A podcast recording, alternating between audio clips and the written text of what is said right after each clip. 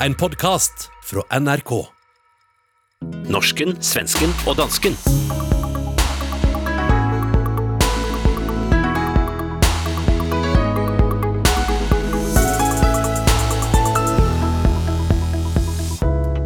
Vil minkskandalen fælde den danske statsminister Mette Frederiksen? Har svensk musikindustri blod på hænderne, Og hvad ville den norske maleren Edvard Munch ha sagt om museet han nå har fått?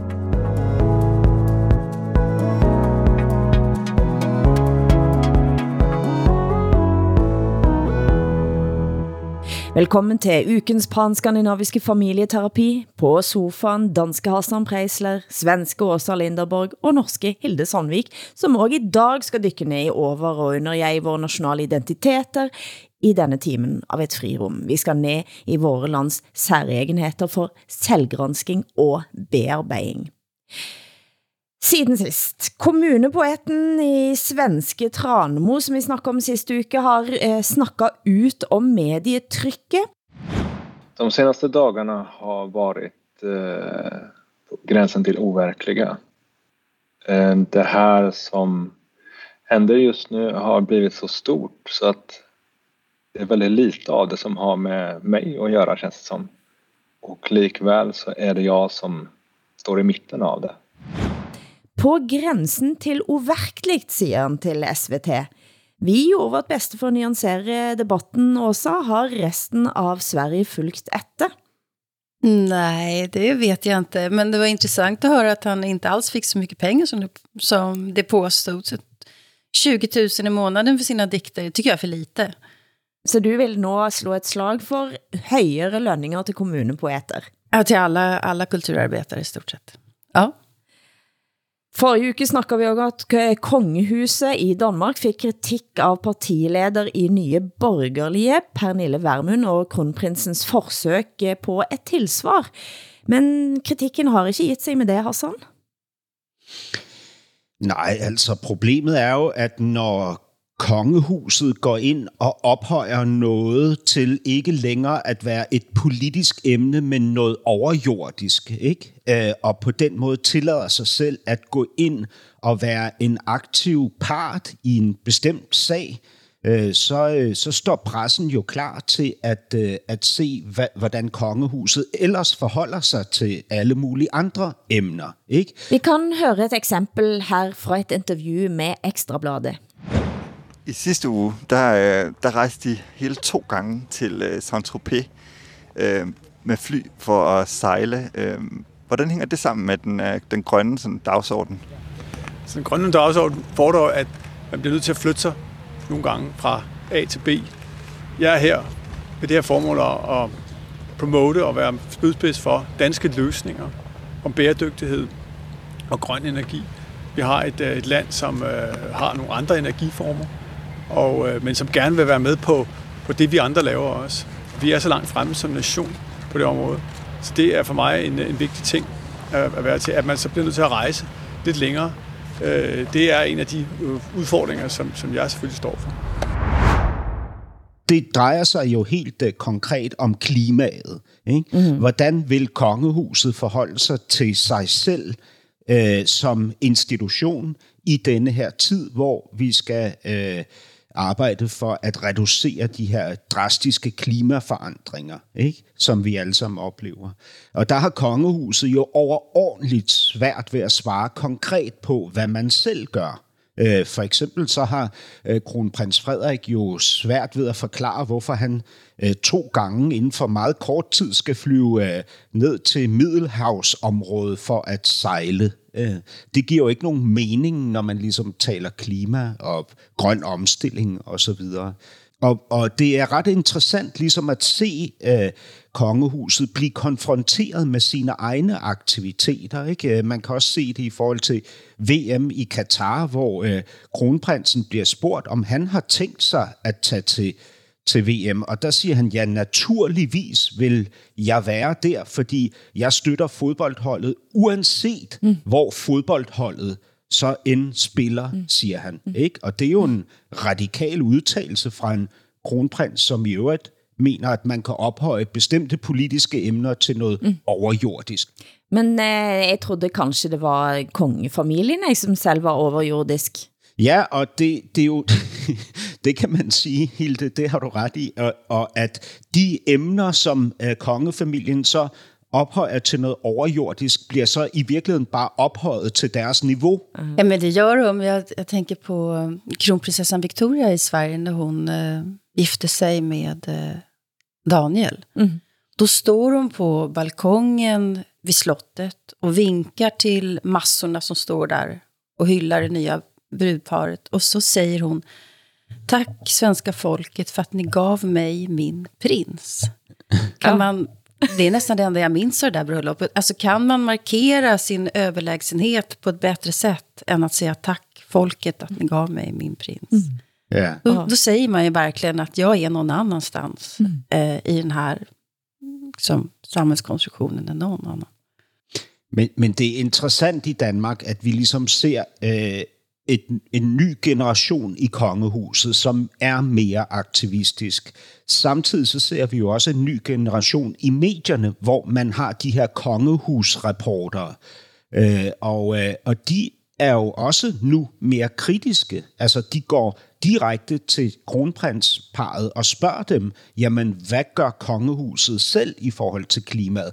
Hvordan forholder de dem til VM i Katar, øh, øh, deres kongelige højhed og så videre, ikke? Og det er jo også noget nyt, vi ligesom ser, det er, at Men varför, men varför ställer journalister frågor till, till kungligheter i politiska, alltså politiska frågor när de vet att inte kungligheterna får svara? jamen, det er jo det är inte så att man provocerar fram ett svar då, eller? Nej, det er jo netop fordi kongehuset er trådt, altså det nye kongehus med kronprinsen mm. og kronprinsessen er trådt frem som, ja, som, jeg ved ikke, hvad jeg skal kalde det andet end aktivistiske. ikke? Mm. Men det er jo ikke bare, at de er blevet aktivistiske. De nye generationene, de insisterer jo på et vis også på at være mennesker.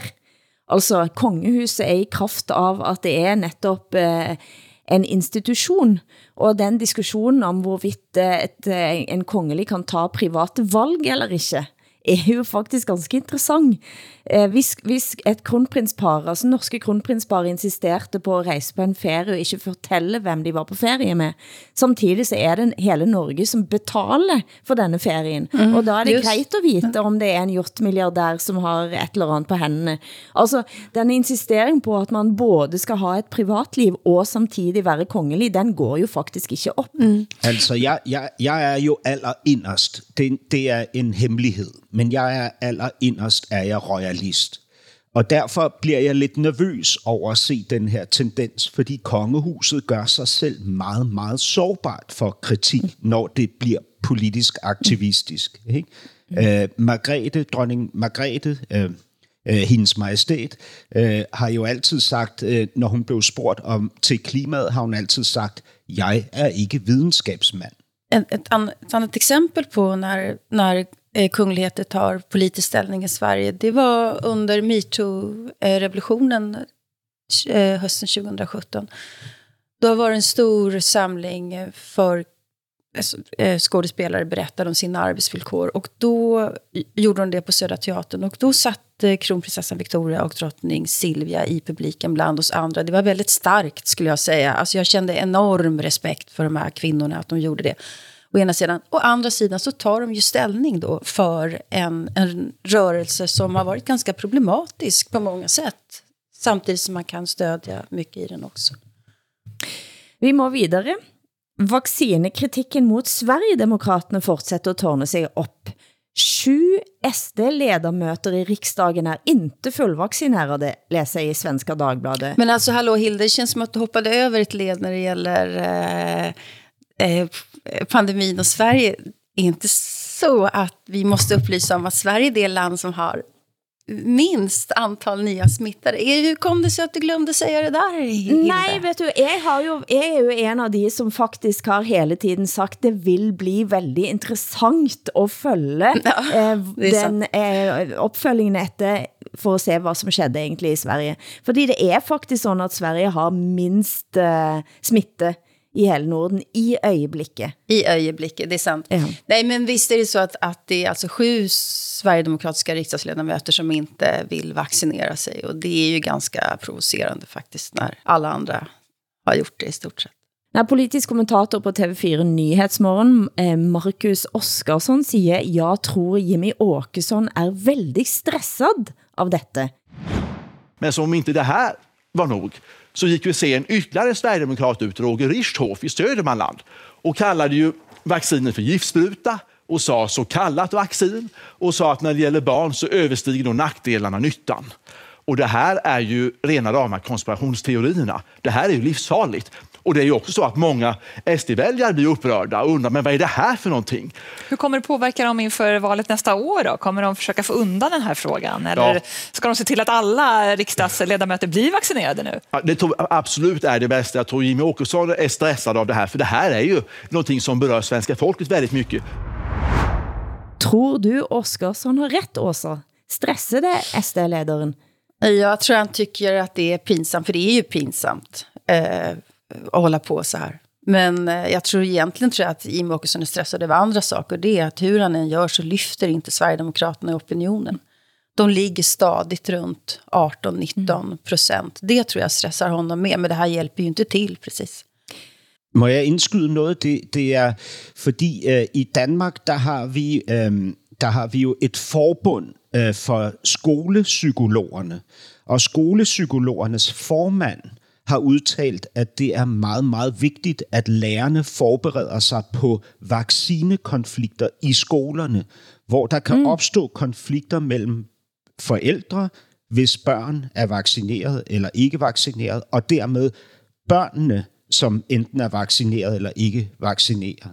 Øh, og øh, og det, det kunne man jo overføre til den her konflikt, der lige nu er i Sverige. Øh, det her råd fra skolepsykologernes øh, Absolut. formand. Fordi mm. der er jo mm. også en form for frihed tilbage i vores samfund. Ikke? Altså en ret til at vælge, hvad man vil have sprøjtet ind i sin krop, og ikke sprøjtet ind i sin krop. Ikke? Mm, jeg kjenner jo at eh, jeg vil jo helst være selvfølgelig både vacciner, og- men helst også corona foruten, men nu er det den måten vi kan eh, sørge for, at vi har en vis frihet i samfundene våre. Hvordan forholder dere der til folk, som dere kender nært, som ikke vaccinerer sig? Jag känner faktiskt ingen sån. Det, det var väl jag själv som stod närmast och att inte ville vaccinera mig. Men jag hade en, in, hade en inre dialog. Sen var jag faktiskt den som var först av oss tre att göra det.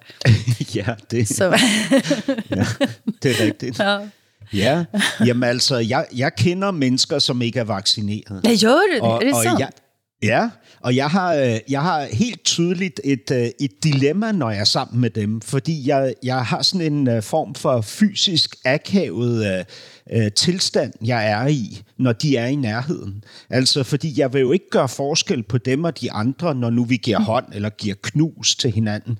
Samtidig så har jeg slet ikke lyst til at røre ved dem, fordi jeg forestiller mig, at de kan være smittebærere og og sætte gang i en helt ny pandemi. Ikke? Og jeg, jeg kan både synes, at de er, at de er nogle helt modige, frihedselskende individualister, men jeg kan også synes, at de er nogle, nogle, øh, nogle egoister, der gambler med vores fælles øh, sikkerhed og tryghed og vores kollektiv helbred. Ikke? Så jeg synes, det er meget svært at have bekendte, som ikke er vaccineret. Øhm, jeg vil helst bare møde dem på Skype.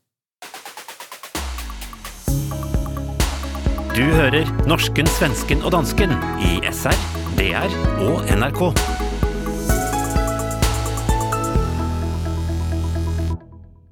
Men Hassan, jeg ser at det igen er udvikling i saken om den danske våpensmugleren Nils Holk. Det er nok en ukendt sak for de fleste svenske og norske lyttere. Kan du give en kort indføring? Niels Holk var jo en øhm, politisk øh, aktivist, som øh, fik en masse venner i Kina. Øh, og disse venner i delstaten Bengalen øh, var udsat for et øh, systematisk overgreb fra det øh, kommunistiske lokalregime, øh, og derfor besluttede Niels Holk sig for at hjælpe dem ved at nedkaste våben, så de kunne forsvare sig. Det har han sidenhen fortrudt, øh, af flere årsager, vil jeg tro. En af årsagerne er jo naturligvis, at Indien lige siden via Interpol har ønsket at få Niels Holk udleveret til retsforfølgelse. Og skiftende regeringer har forsøgt at tage denne her sag op igen, fordi der har jo været et ekstremt kompliceret forhold mellem Danmark og Indien på grund af Niels Holk. Øh, og det har jo haft øh, alle mulige øh, diplomatiske og økonomiske konsekvenser, især for Danmark naturligvis. Men både byretten og landsretten har i Danmark øh, vurderet, at Niels Holk må ikke udleveres til Indien, for hvis han bliver det, vil han blive udsat for tortur. Det er sagen opsummeret. Lige nu sker der så det, at Danmark og Indien ud af det blå har indledt et gigantisk samarbejde om grøn omstilling, hvor Danmark skal bidrage med rådgivning og materialer til den store grønne indiske omstilling. Øh, og det har betydet, at man er begyndt at rejse på tværs af grænserne. Der er øh, diplomatiske udvekslinger på allerhøjeste niveau. Øhm, og øh, det betyder naturligvis også, at Indien er begyndt at rumstere med denne her, det, her, øh, den her, øh, det her ønske om at få Niels Holk udleveret. Den danske statsminister og udenrigsminister siger, at der er ingen sammenhæng mellem det grønne udvidet samarbejde mellem de to nationer og Niels Holk-sagen. Men lad os se, der begynder nu at lyde kritik både fra nogle medier, frihedsbrevet, og enkelte politikere, øh, som danner øh, hvad, hvad hedder det, fundamentet for regeringens øh, position. Ikke? Alltså när Nils, jag försöker sammanfatta svenska lite. Nils Holk har alltså smugglat vapen till eh, oppositionen i Indien. Eh, och eh, Indien vill ha honom eh, eh, utlämnad för det. Och då har alltså danska, eller Danmark haft dålig relation med Indien på grund av det här. Och nu har man tecknat ett stort ekonomiskt avtal med Indien. Och då kanske Indien ska få Nils Holk. Är det så? Ja, og altså, de er jo begyndt at tale om det offentligt mm. i Indien. Okej, okay. ja. men hur, hur, hur länge sen var det som Nils Holk smugglade vapen? Det är Alltså hur, hur många år har den här konflikten pågått mellan Danmark och 26 Indien? år. 26 Sex- år. 26 år, är det sant? Ja. ja. Altså, vil de, vil de ha Nils Oj. Holk fængsler i India? Ja, absolut. Altså, det er jo... Du vill ställa honom f- inför rätta i Indien? Ja, de vil have ham øh, anklaget, dømt og fængslet. Naturligvis. ikke? Efter, 20, efter 26 år så vill de fortfarande det? Ja. Oj, oj, oj. Ja, det där var ju... Det var... Ja, gud. Ja, for i begyndelsen så trodde jeg at han satt fængsler i India. Jeg var lidt forvirret over det faktum. Altså 26 år, og så skal... Hvor gammel er Nils Holk nu? Nej, han er i... Altså, han er... Jeg, jeg tror, han er øh, 58 øh, eller 59 okay. år gammel. Jeg er ikke helt sikker, men det, det tror jeg. Han var väldigt ung när han smugglade vapen, de andra ord. Det var... Ja, han har, han har vel været i, tre, i, i, i sine 30'ere, altså 30 år. Ja, ja. Ja, nej, men han visste säkert vad han gjorde. Alltså han, han, eh, Jag vill inte frånta honom det, men ja, det där var brutalt, tycker jag. Vi må følge, følge med på hvad sker med Nils Holk Ja, fremover. Hassan, du blir vår eh, Nils Holk eh, obs observatør. Ja, men det er, det er så spændende at se, hvad, hvad den danske regering er villig til at gøre nu, ikke? Efter så mange år. Det bliver spændende. Mm. Ja. Mm. Torsdag kveld forrige uke blev 19 år gamle rapperen Einar skutt og dræbt. I snakkende stund er ikke drabsmannen tatt åsa, men denne saker præger Sverige siden. Først, hvem var Nils Kurt Eirik Einar Grönberg, som var hans hele navn? Ja, han var bara 19 år när han sköts, så det är väl lite speciellt då att han är etnisk vit gangsterrappare och han kommer från en medelklassfamilj. Eh, Han är inte uppvuxen i de här fattiga eh, förorterna eh, som han, eh, vars miljöer han rappar om då.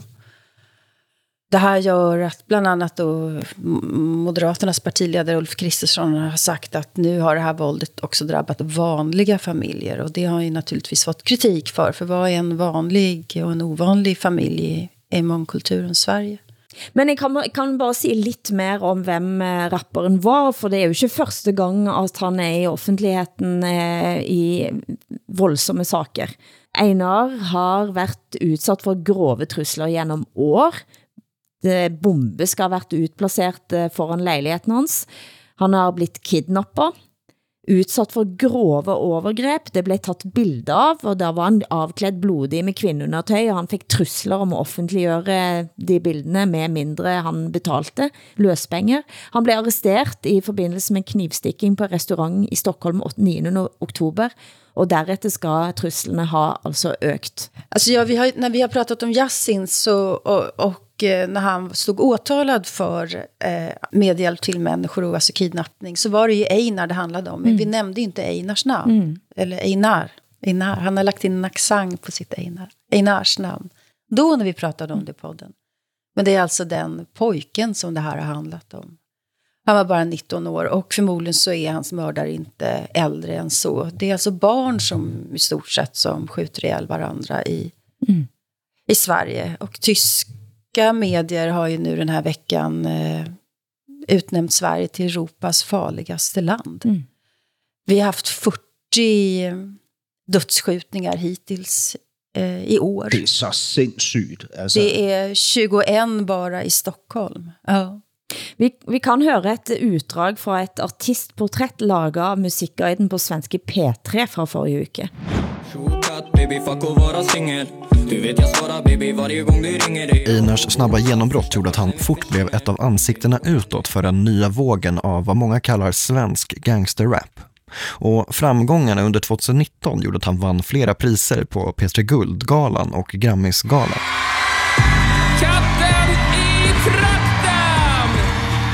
Under sin korta karriär hann han släppa fyra album på två år och gästa några av Sveriges största artister. Under 2021 har samarbetet med Hovet gått varmt på P3 och i streamingtjänsterna. Jag har en bad bitch, hon bor där i Danderyd Hon har en gangsterpsykos Barndomsvännen och producenten Dilly D minns en rappare som banade väg för många andra artister. han har gjort mycket för oss alla tycker jag. Och han, jag tycker det som, var, det som var unikt med hans musik att han var jävligt grym textförfattare. Han fångade en stor publik så snabbt. Allt gick så snabbt. Einar blev 19 år gammal. Svensk gangsterrap, det høres ut som en selvmotsigelse, men det er knallharde, brutale miljøer den musikken skildrer, og som disse musikerne faktisk lever i, som vi forstår. Ja, det gör de. Och en, en annan svensk rappare eh, har uttalat sig nu och eh, berättat att man måste helt enkelt rappa om saker som man själv har varit med om. Och eh, för att få status i de här kretsarna. Och ju, ju grövre brott det är, desto mer streamas musiken som man gör. Och så trappas det här upp. Men det här är ju en helt ny genre. Det går ju inte att jämföra med eh, moralpaniken med videovåldsdebatten på 80-talet eller jazzen när den kom på 30-talet. Utan det här handlar alltså, det är texter som handlar om riktiga människor. Man uttalar hot mot riktiga människor. Man jublar över att riktiga människor har, har mördats och så vidare. Det här är en helt ny kulturell genre faktiskt som vi aldrig har hanterat förut. Så vi vet, vi har liksom inga erfarenheter. Hur gör man? Och jag har hela tiden sagt, och jag har sagt det här, att man måste skilja mellan konstnären och konsten. Men om konsten faktiskt hyllar våld mot andra människor, riktiga människor, så blir det ju ett, ett helt nytt sorts moraliskt problem i, här. Som är rikt, ja, det är delikat faktiskt. Mm. Jeg hørte lidt på Einar sin musik eh, i går, og jeg kendte, at det gik jo ganske kaldt ned over ryggen. Det blir næsten som en sådan, eh, før et varsel om hvad som kan komme til at ske, men det er jo på et vis gangsterrappens eh, indhold. Ja, altså, det, det er jo sjovt, når du siger det, Hilde, med at, øh, at øh, Sverige og gangsterrap i sammensætning indeholder et paradoks, ikke? Øh, og det, øh, altså, jeg, jeg, jeg, nu kommer jeg, jeg var jo i Helsingborg i sidste uge, som vi talte om, og der bemærker jeg jo endnu en gang den svenske blidhed og ordentlighed. Ikke? Og den blidhed og ordentlighed virker jo altså så vänligheten är det ja, menar? eller, ja, eller sådan Ja. en blid, blød, blød, blødhed, ikke? Altså, Mjukheten? Ja, Eller, ja. øhm, mm. og den, den, den der, det, som er indlejret i den svenske kultur, som handler om, at man ligesom altid angriber et problem med størst mulig blødhed, mjukhed. Mm. Ikke? Øh, det, det får, jo- bliver jo lige pludselig udfordret til grænsen ikke? af denne her... Mm. Ja, vi bliver jo nødt til at kalde det, hvad det er. Importeret brutalitet. Ikke?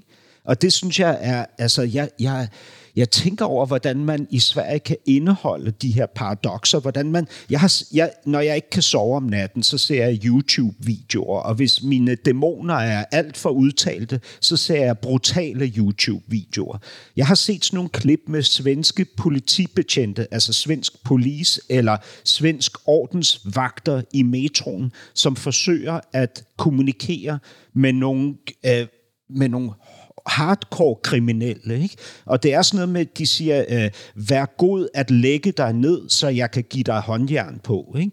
Og så ser man de her politibetjente få tæsk af, af kriminelle. Ikke? Altså, jeg, jeg, jeg, det her er jo anekdotisk. Jeg er godt klar over, at det ikke er evidens. Ikke? Men, men jeg synes alligevel, at det understøtter et clash, jeg ser i Sverige. Ikke? Det kommer ut en bok eh, i Sverige, det kommer ut en bok i Norge i eh, begynnelsen av november, som heter Skyggejagt, der en eh, forfatter og journalist, Malin Stensønnes, faktisk har fulgt Kripos, som er kriminalpolitiet, sin jagt på kriminelle netværk. Eh, og, og det som hele tiden blir sagt gjennom den boken, er at vi er fremdeles ikke Sverige. Vi er ikke Sverige. Eh, og det blir hele tiden eh, lagt vægt på netop alle de mange skjutninger som er. Nå har det begynt at være nogle drap også i Norge. Det var en 20-åring som blev dræbt på Mortensrud øst i Oslo for ikke så længe siden. Og det er nøjagtigt den samme type diskussion, som man har sett i Sverige. Der var det også en eh, relativt ung mand, Thomas eh, Heile, som skrev i VG, han er selv opvokst på Mortensrud, Musikindustrien og gangsterrappen må stilles til ansvar for den økte volden i Oslo. Her er det musikvideoer av unge mænd med masker, macheter og maskinivær. Her får barn og unge glorificere et gangsterliv de vet svært lite om. Våre ungdommer imiterer dette livet og ser op til at bli som dem, klæde sig som dem, snakke som dem, ha våpen som dem og ikke mindst gøre som dem. Eh, og det er også en, en av de som faktisk har vokset op på, på, eh, eh, på øst, i østkanten i Oslo, eh, som skriver om, ja, men om gangster-rap-videoer, og mener at musikindustrien også etter hvert må begynde at ta et medansvar. Men Åsa, jeg, Det er ganske jeg, harde ord. jeg er meget nysgerrig på, hvad du har at sige til vores analyse. Hvad, hvad tænker du? Ja, Jag tänker mycket här att ehm, jag tror att eh, absolut att gangsterrap förstärker kriminell identitet, men jag tror att man blir kriminell av andra skäl än att man lyssnar på gangsterrap. Jag funderar på det du Hassan sa om att det, att det är en importerad brutalitet. Sa du det? Ja, det sagde jeg. Mm. Det, Eller- og, og det, er ikke, det er ikke nemt for mig. Det er svært at sige. Men för då, det här är svenska barn, alltså de är födda i, de är födda i Sverige. Ja. Så jag skulle inte säga att det här är importerat, utan det här, det här är miljöer som har uppstått i Sverige.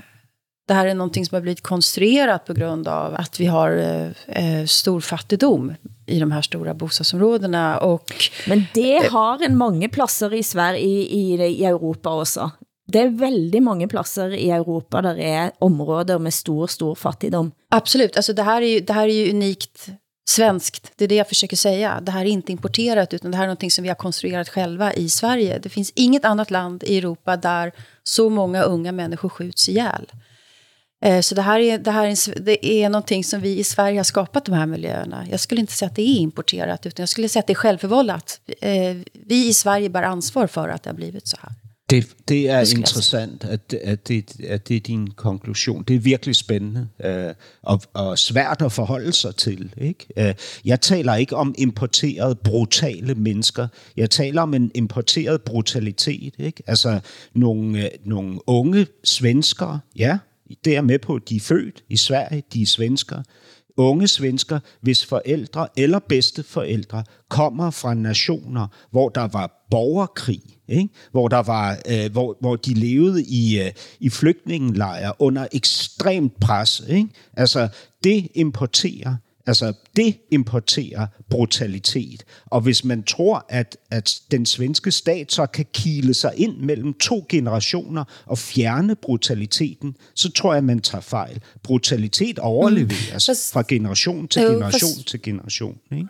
Ja, fast jag tror inte att det här bara är föräldrarnas fel heller, utan jag tror att det är samhällets stora misslyckande vad gäller eh, utbildning, bostad, eh, Eh, arbete. Vi, vi har fått många, väldigt många nya invånare i Sverige som vi inte har kunnat ge en bra infrastruktur helt enkelt. Och eh, det är i kombination med andra saker. Men att inte, att inte svenska politiker skulle ha något ansvar för den här situationen, eh, det tycker jag är... Mm, det är fel helt enkelt men, men att, att påstå. Då gör man det för, för enkelt för sig. Men vill du ikke mene, Åsa, at, at netop Sverige har været måske verdens mest inkluderende øh, og tålmodige nation i forhold til sine øh, immigranter og flygtninge? Jo, visst, absolut. Vi har försökt med det. Men, men det är ändå så att vi har, vi har väldigt många människor i Sverige som ännu inte har kommit ut i arbete till exempel. Och eh, vi har ett särskilt skolsystem i Sverige som ni inte har, som tar för lång tid att förklara här, men, som, men eh, där det verkligen finns fattiga skolor och, och eh, andra skolor som också påverkar. Det är väldigt, alltså politikerna har ansvar för det här och de som inte erkänner det, de tycker jag ska ägna sig åt något annat än politik. Föräldrarna har ansvar. Eh, vänkretsen har ansvar. Man har ett eget ansvar. Det är många som har ansvar. Men, men att bara skylla på, på de här människorna som att de skulle vara solitärer, det, det tycker jag är att göra det för enkelt. En kärne i dette er selvfølgelig narkotikaindustrien, og det jeg lurer på er om vi har et naivt forhold eh, til drugs. Og jeg husker jeg satt på Trygdekontoret, et norsk tv-program, eh, Thomas Seltzer sitt eh, program, med Ken Ring, eh, rap, den svenske rapperen eh, Ken Ring, eh, som sa at eh, der jeg kommer fra, så findes det to vejer at gå. Enten så blir du rapper, eller så, blir du, eh, så dealer du narkotika. Men det er jo men det der er jo også en, sådan en romantificering, ikke, som vi lapper i os. Ikke? Enten kan du blive kriminel, eller også bliver du gangsterrapper. Nej, du kan også blive buschauffør. Det er der bare ikke noget, der, der er ingen dramatik i. Ja, ja. Men NRK TV slapp netop en dokumentarserie med titlen Rus, der programleder Leo Ajkic, Norges kanskje mest kendte stuntreporter, har som mål at finde sandheden om rus på godt og vondt. For det er gøy at feste, men da er det noget vigtigt, du må vite, som det står i programbeskrivelsen. Dere har sett lidt av serien, nogle umiddelbare reaktioner? Jamen, jeg har set uh, første og sidste afsnit af serien, uh, og det er, altså, det, jeg, jeg, jeg synes jo, den er mest interessant, når, når den afdækker. Uh, I sidste afsnit, uh, uden at afsløre noget, uh, kan vi sige, at den konkluderer meget, ikke? Og leder efter løsninger. Og der bliver det for mig lidt banalt og lidt kedeligt, men op til der er det jo altså mega interessant, ligesom at, at opleve den her ærlige, øh, rolige, altså øh, luner af afdækning af rosens indflydelse på unge menneskers liv og øh, fremtid. Ikke? Meget, meget spændende. Det er jo en serie som prøver at ta med sig alt det gøye og spændende og forlokkende med rus, samtidig som man ser på de større samfundsmæssige og personlige konsekvenser. da. Eh, og si, vi snakker om dette ret efter at have været indenom eh, volden både i Norge og, og i Sverige, eh, så kender jeg, jeg har tænkt på, altså mitt forhold til rus er, okay, hvis du har lyst til at dytte i dig så mye kokain du bare vil, vær så god, gør det. Altså, jeg, jeg, jeg faktisk ikke, jeg, jeg har ikke noget personligt mot narkotika, men det, jeg tænker, vi må snakke mer om etter hvert, er hvad er konsekvensen av at bruge rus, av rusmidler, ikke for dig selv, men for samfundet, altså den brutale økonomien, som du er med på at støtte. Og det synes jeg blir ganske tydeligt, hvis man ser det op mot uh, de händelserna som har været uh, eh, i Sverige i det siste. Absolut, det är, ju, det är kamp om marknadsandelar i mm, narkotika som väldigt mycket handlar om. Hva, hva er det du har i de posene der, da? Eh. Kokain? Ja. Hvor mange prosent rein tror du den er? Den her skal i hvert fall være 90 Mm.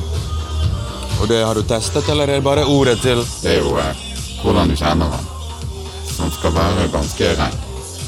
Men hvor vanlig tror du det, den kokain er blant andre russ nå? Den her er veldig vanlig. Det er jo MDMA, eller? Det er jo MDMA, ja. Og så er det alkohol og hasj? Ikke hasj på fest, ass. Dagen derpå. Så alkohol, MDMA og coke er det det går i? Ja. Om du sitter der som denne 18-åring som Leo Ajkic møter her på russefest. Eh... Nej, men alla som, alla som drar en lina har ju ett ansvar för, för eh, kriminaliteten. Mm. ja, så, ja. så er det jo. Altså, når, jamen, når du sidder der som 18-årig og, og sniffer kokain, så tænker du jo ikke hverken på kriminalitet eller klima eller nogen anden form for global uretfærdighed. Altså, Nej, men vi har, vux, vi har väldigt många vuxna, vuxna människor i Sverige på Stureplan som drar en lina samtidigt som de tycker att man ska höja straffen mm. för eh, de, alltså, det är nettopp det. det, för, det. för gängkriminella. Mm. Alltså det, är, det är ju absurt faktisk at inte se sitt eget ansvar. Altså, jeg, jeg har røget en del has i mit liv, også øh, for ikke så mange år siden. Jeg stoppede af forskellige årsager. Øh, nogle af dem var indre, men der var jo også de ydre årsager. Altså, når jeg tog ud på Christiania og så Pusher Street, og, og bemærkede den der brutalitet i det der marked, og, og hvad, hvad det var for nogle mennesker, jeg ligesom støttede, når jeg øh, øh købte min has, så, så havde det jo også afgørende indflydelse på mig. Altså det, det, mm men, men... Man stöttar ju också att bönder i, i Colombia ska odla det här istället för att odla grönsaker för att det här ger mer pengar. Alltså det är, det är, så, det är så jävla fel från början till slut alltihop. Ja, altså om du køber øh, rød af, afghaner eller, eller blå libaneser, altså hvad du end køber, så bidrager du til en lang, lang række af kriminelle aktiviteter. Ikke? I Libanon, der er det i Bekardalen ofte Hezbollah, der står for øh, dyrkningen og, og raffineringen af, af marihuana til has. Ikke? Altså, øh, det, det er jo så det, man ligesom giver penge til. Ikke? Nej, men det er det, det, det jeg tænker, at man må begynde at snakke om i mye større grad, end at ha den moralske eh, indgangen til at snakke om eh, rus, som handler om eh, hvad du gør med din egen krop. Altså, det jeg tænker er på en måde, ja, ja, det kan vi godt snakke om, men brutaliteten i den organiserte kartellvirksomheten i verden er blitt stadig højere, og Malin Stensønes i boken Skyggejagt gir netop dette bakteppe fra avkutta hoder foran coffeeshops i Amsterdam via landevejen, altså til Danmark, Norge og Sverige. Mm. Og det er, en, det er på et vis det, det er der samtalen bør begynde. Du hører norsken, svensken og dansken. Programmet blir sendt i Danmarks Radio, Sveriges Radio og Norsk Rikskringkasting.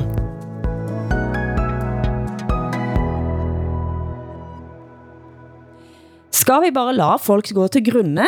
Eh, det er også tema i en av de mest omtalte tekstene i Sverige den sidste uken, skrevet av dramatiker Stina Oskarsson. Hvordan skal vi opsummere denne teksten også? Ja, Stina Oskarsson har haft eh, svår anorexia i 30 år. Alltså riktigt, riktigt svår anorexia. Hon är öppen med det här, att prata om det. Hon kan intellektualisera det och även beskriva det känslomässigt så att, eh, på ett sätt som jag inte har sett någon annan göra. Eh, I våras så hamnade hon i tvångsvård i fem veckor och blev på grund av för lågt BMI. Hon var alltså inte suicidal, konstaterade läkarna, men har för lågt BMI. Och har man det så anses det vara en psykisk sjukdom. Och hon blev omyndig förklarad. Och den, eh, den chocken och den förnedringen och det, det frihetsberövandet har hon nu skrivit en, eh, gjort en brevväxling av tillsammans med Svenska Dagbladets eh, ledarskribent Maria Ludvigsson. Och eh, hon har hamnat då i en inre konflikt här, Stina Oskarsson. Hon menar ju, hon har gjort, liksom det är hela hennes credo eh, som konstnär och medborgare, att man har en medborgerlig plikt att hjälpa andra människor. Eh, men betyder det också att man har rätt att hjälpa någon så att den berövas sin frihet? Mm. Eh, det, ja, det, jag tycker det är en fantastisk eh, brevväxling.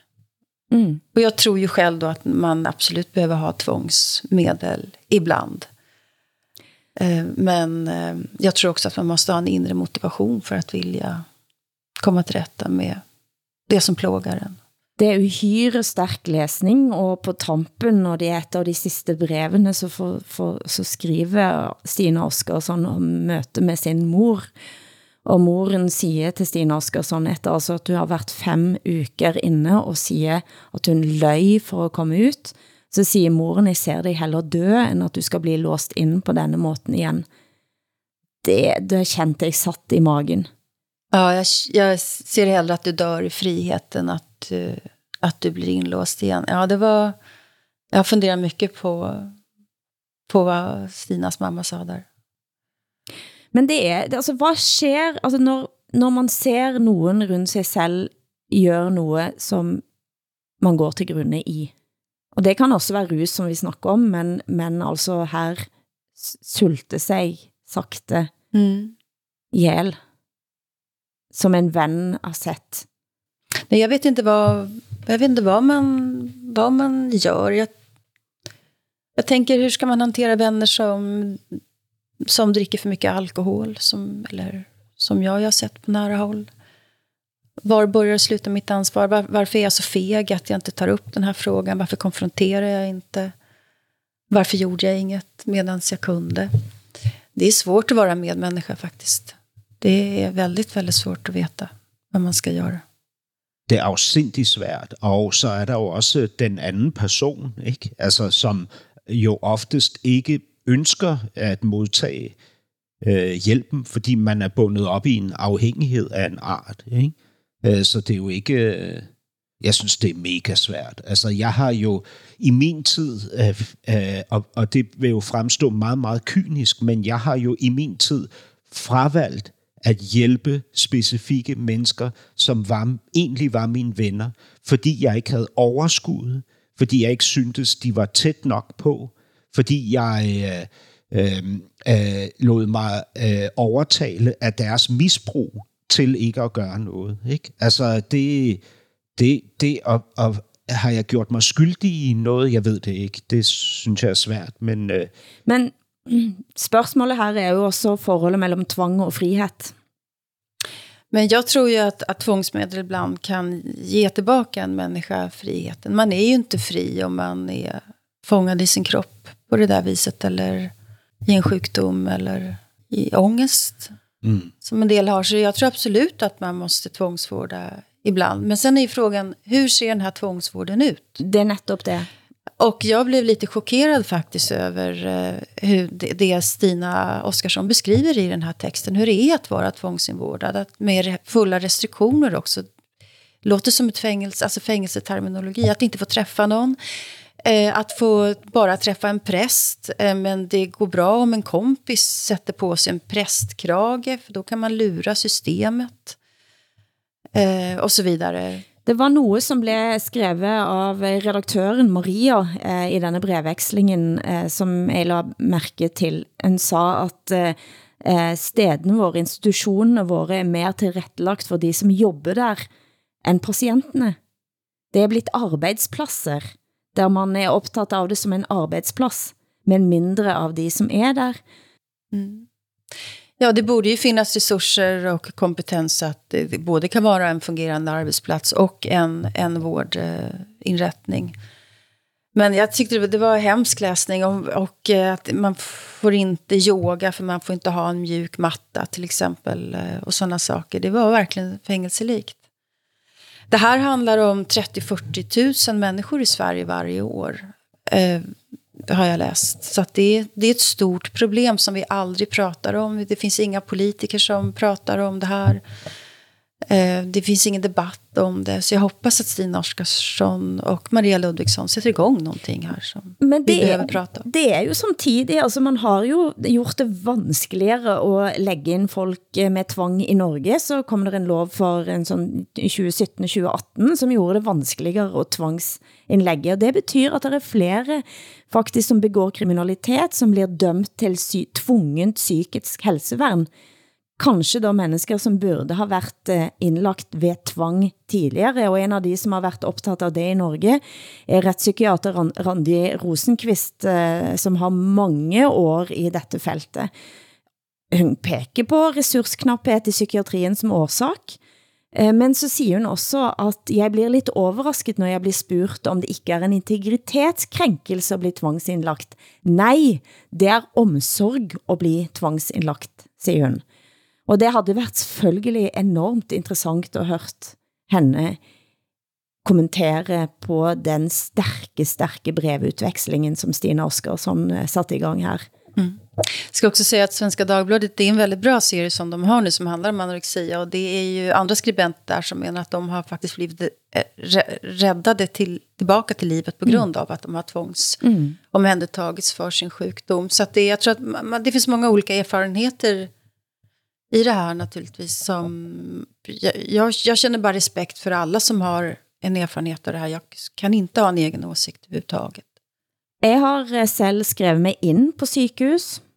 Eh, da jeg var 22, havde jeg eh, spiseforstyrrelser, og jeg valgte selv... Matstörning på svenska. Matstørning, mm. mm. Og jeg valgte selv også at, at, skrive, og, og søge om få plads på et, eh, et eh, nervesanatorium, som det heter. Mm. Jeg skulle egentlig være der et halvt år. Der oplevede jeg det mer som problematisk, for etter tre måneder som te så tenkte jeg, jeg trenger, jeg trenger ikke dette mer. Jeg, var, jeg følte meg, altså jeg havde fått nogle redskaper til at bli frisk, eh, og skrev mig ut igen. Eh, men jeg tænker også, at den hjælpen skal komme ind tidlig. Jeg var 22, og jeg havde allerede været syg i mange år. Jeg tænker, der er alt for få, som søger hjælp tidlig nok. Mm.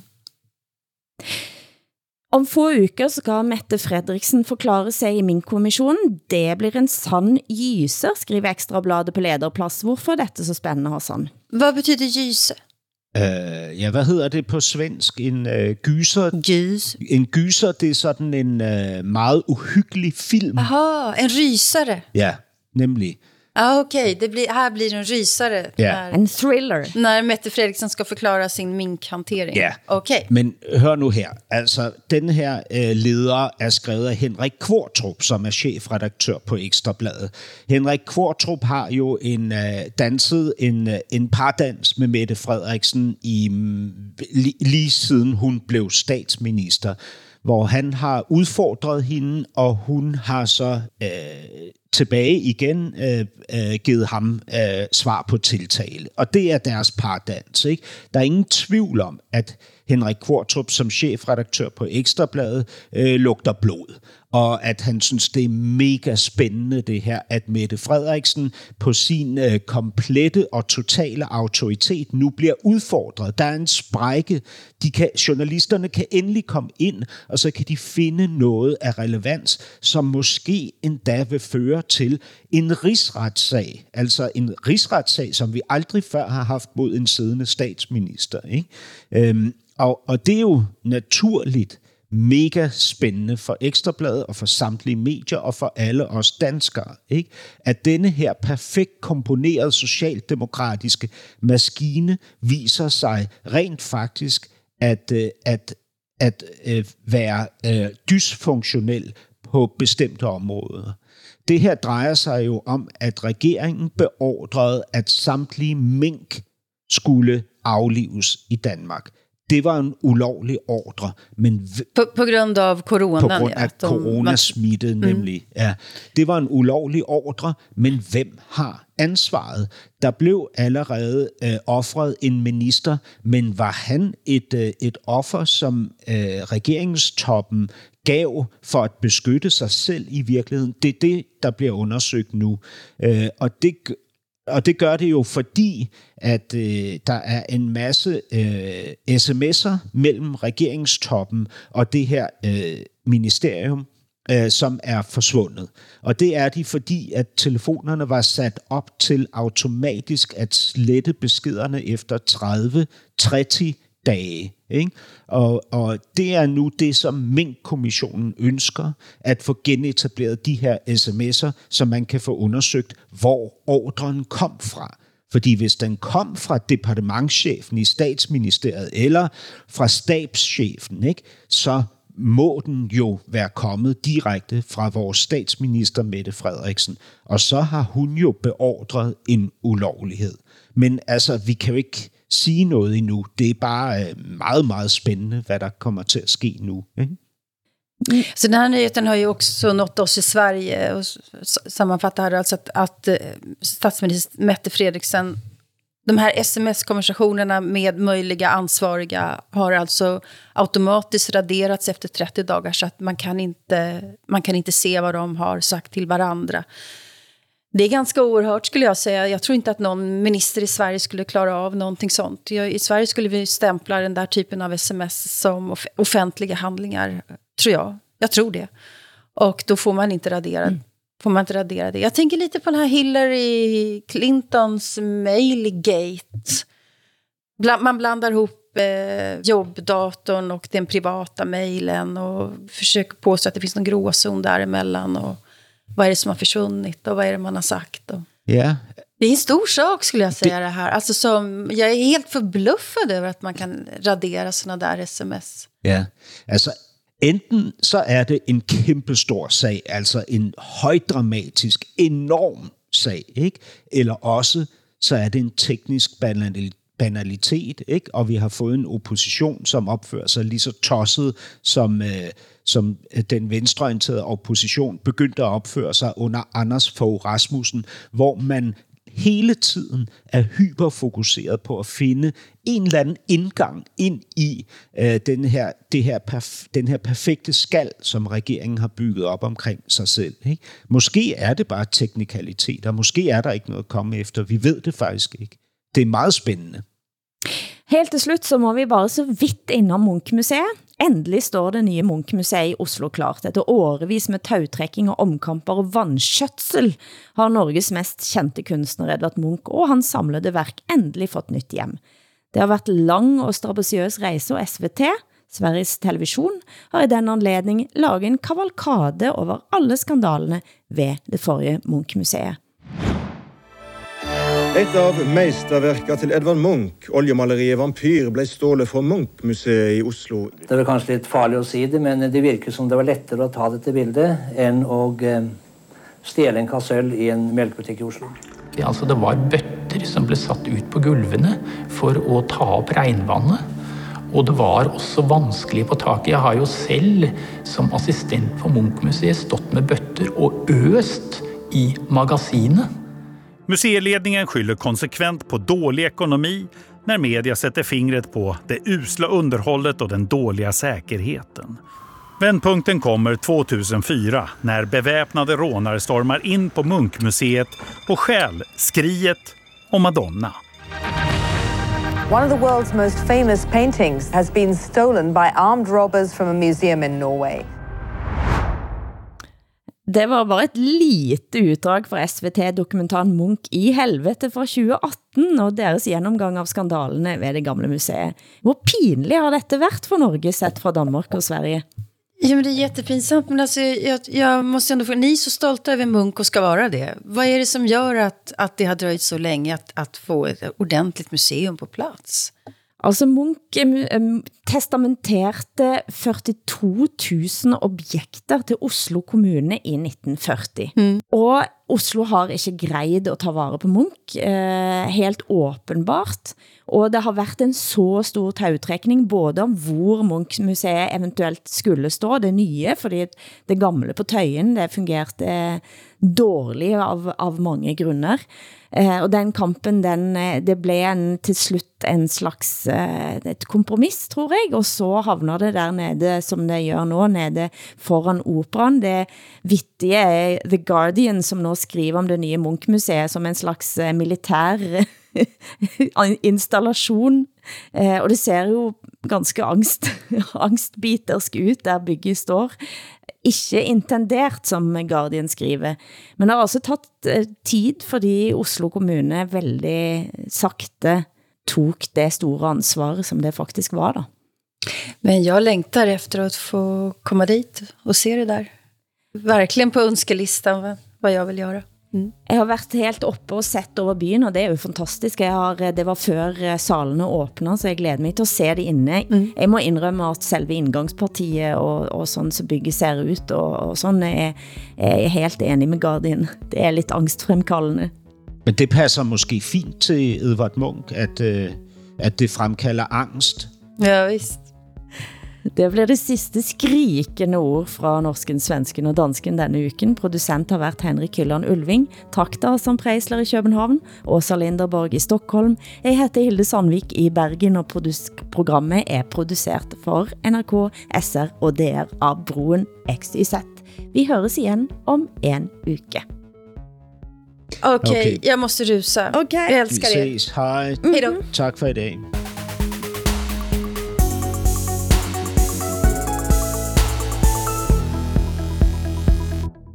Du har hørt en podcast fra NRK. Hør flere podkaster og din favorittkanal i appen NRK Radio.